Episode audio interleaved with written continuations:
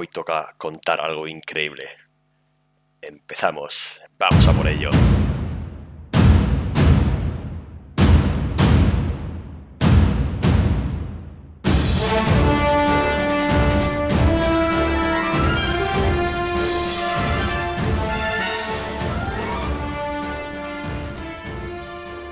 Empezamos chicos, bienvenidos a un nuevo episodio del legado de Kenobi Experience. Hoy vamos a contar el último capítulo del Mandaloriano. En este caso es el capítulo 16 con el título de El rescate. Es increíble lo que hemos vivido con este capítulo. Ha sido algo muy emocionante y que hacía mucho tiempo que no podíamos llegar a este sentimiento tan alto. Bueno, esto ha sido escrito eh, por John Favreau y con la colaboración de Dave Filoni.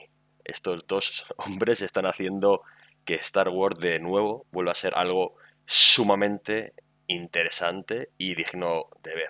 ¿Y qué tenemos que destacar de, este capítulo? Pues todo, porque todos los segundos, minutos y todas las secuencias del capítulo del rescate son memorables de, de recordar y de sentir, ¿no?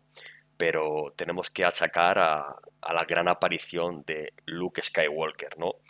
Eh, con su cena idéntica, ¿vale? A la que aparece Darth Vader en Rogue One cuando asaltan un crucero de la Alianza Rebelde y entra por todo lo alto para destruir e intentar conseguir esos famosos datos, ¿no? En el que está eh, la clave para destruir la estrella de la muerte.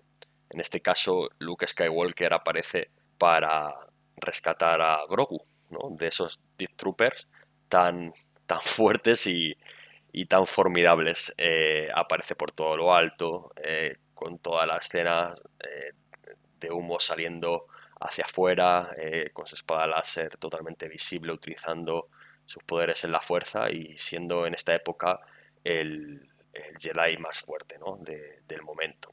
Eh, es importante recalcar ¿no? que, que, él oye a, Grogu, ¿no? en, recordando en ese capítulo eh, anterior cuando Grogu utiliza la fuerza para conectar con un maestro Jedi. Eh, la teoría o, la secuencia ¿no? es cómo van a enlazar este momento ¿no? que, que, sabéis que son cinco años después de la batalla de Yavin con las secuelas, porque al final las secuelas existen y en las secuelas eh, vemos que Luke Skywalker, aunque no se cuenta mucho, eh, está formando una nueva orden Jedi, ¿no? En el que su sobrino Ben eh, forma parte de ella, ¿no? Hasta que se pasa al lado oscuro. Pero ahí Grogu no aparece. Entonces tenemos que, o tienen que enlazar, ¿no? ese momento del rescate de Grogu, dónde se lo va a llevar, qué va a hacer con él, qué va a pasar con Grogu y, ese periodo con las secuelas que obviamente lo enlazarán de algún, de algún modo, ¿no? Con eh, la multitud de series que, van a sacar eh, más hacia adelante.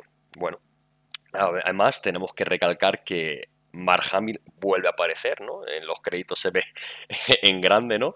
Eh, con esa tecnología de, de, rejuvenecimiento, que es increíble porque se le ven los gestos que él hace, su sonrisa, eh, su forma de hablar tan característica. Eh, la verdad es que lo han tirado todo, ¿no? han sacado los de Lucasfilm, han sacado toda la artillería y es que todo lo que estoy contando que es un gran detalle. Además, eh, otra secuencia súper importante es el momento final de Din Djarin con la despedida de Baby Yoda o de Grogu, ¿no? Como ya le conocemos, quitándose el casco como todo un padre. Esa escena se nos parte el alma a todos y yo creo que hemos soltado todos por lo menos una lágrima. En mi caso, muchas lágrimas. Eh, tenía los pelos eh, durante todo el capítulo, la verdad que tenía los pelos de punta, las manos frías, toda esa sensación, ¿no?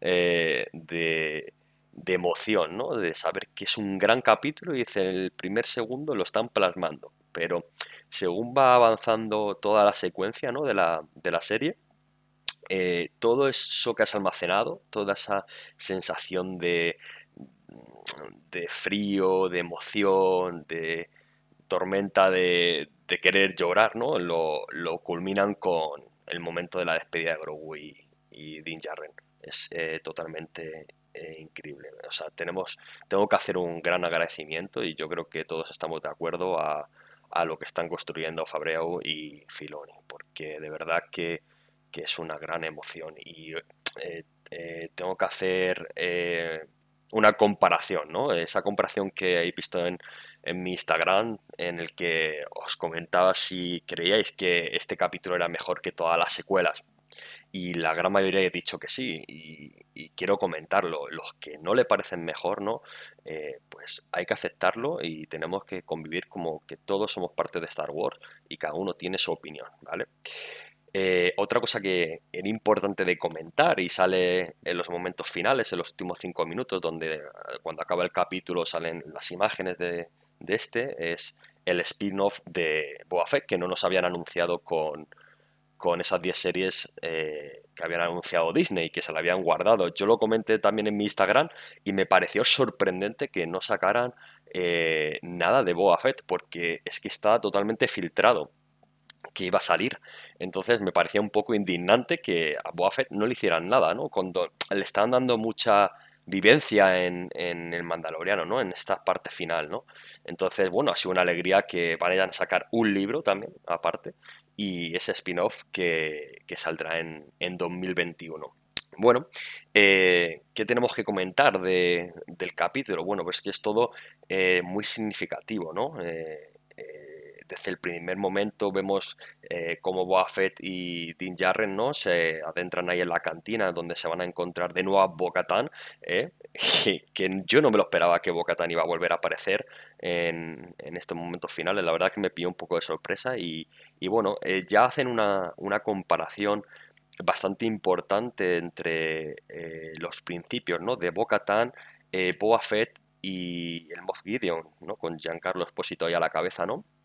Y a lo mejor no lo habéis visto, pero es una comparación de cómo cada uno tiene un pensamiento muy cerrado, ¿no? Una forma de ver las cosas, ¿no? Y, cómo va cada uno por su causa, ¿no? Boba Fett no tiene nada que ver con Mandalor y no quiere saber nada de los mandalorianos porque eh, él no es un mandaloriano, ¿no? Entonces se tiene un encuentro fuerte, ¿no? El principio con Bo-Katan, que lo que sí que quiere, o sea, quiere ayudar al mando a través de conseguir el sable oscuro para eh, volver a construir Mandalor. Eh, y en este caso, eh, el Moff Gideon, sus intereses es Grogu, ¿no? Conseguir su, sangre, ¿no? Para esa clonación y, mantener siempre esa hegemonía, ¿no? con el imperio que ya no existe, pero está aún muy presente, ¿no?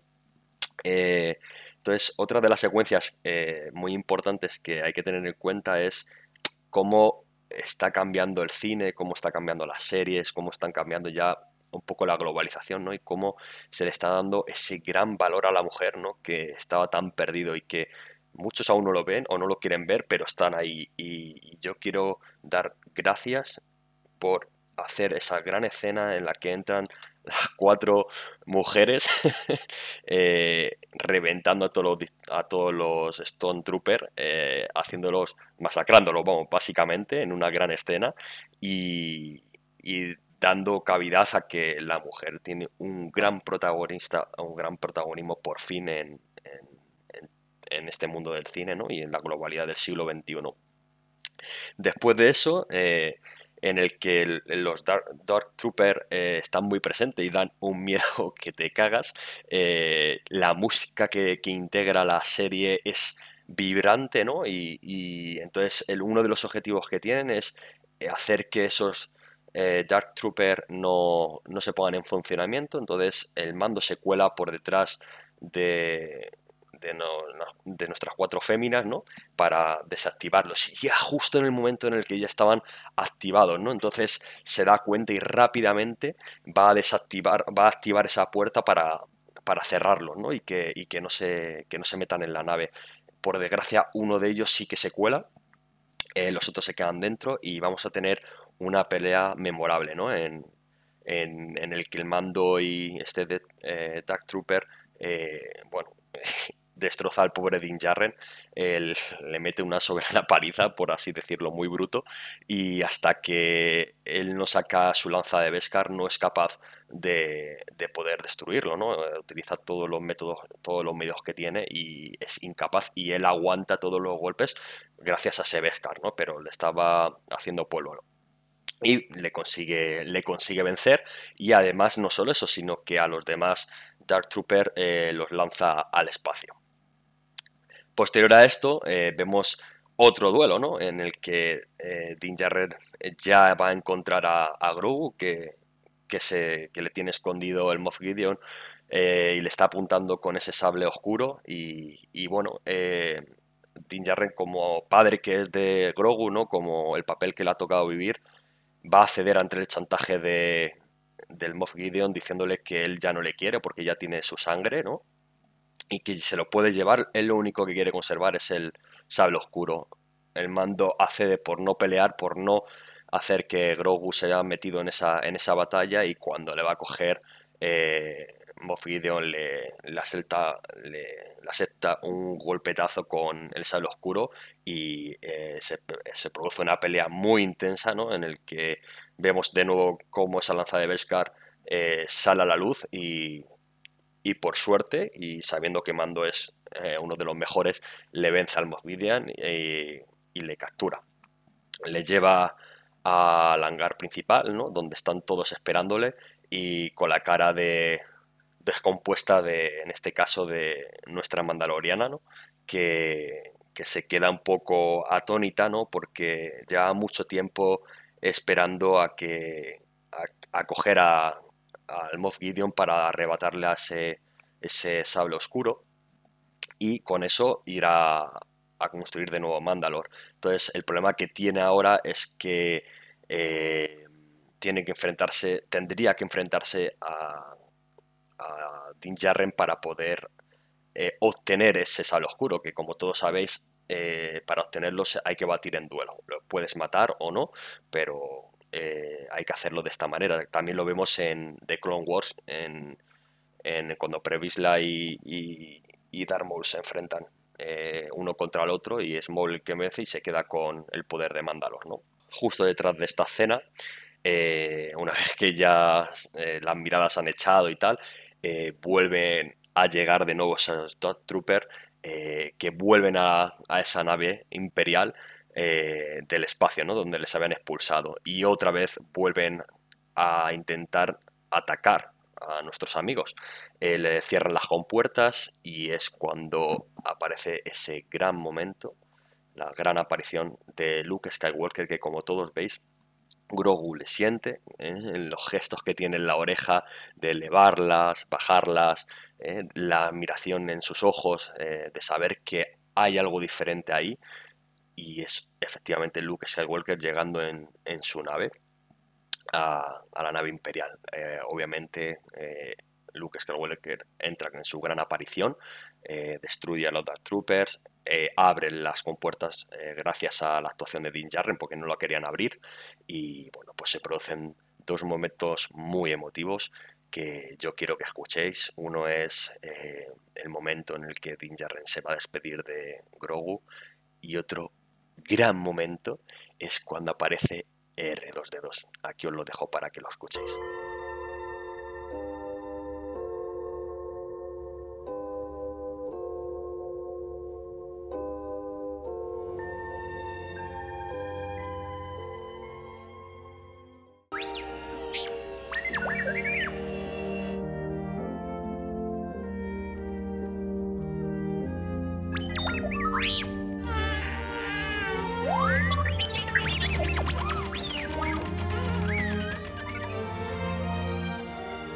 Creo que acabamos de decir todo lo que se viene a partir de estos dos grandes momentos que va a dejar un legado muy grande a las generaciones venideras y a las que actualmente ya estamos viendo esta, este giro eh, dramático que ha dado Star Wars.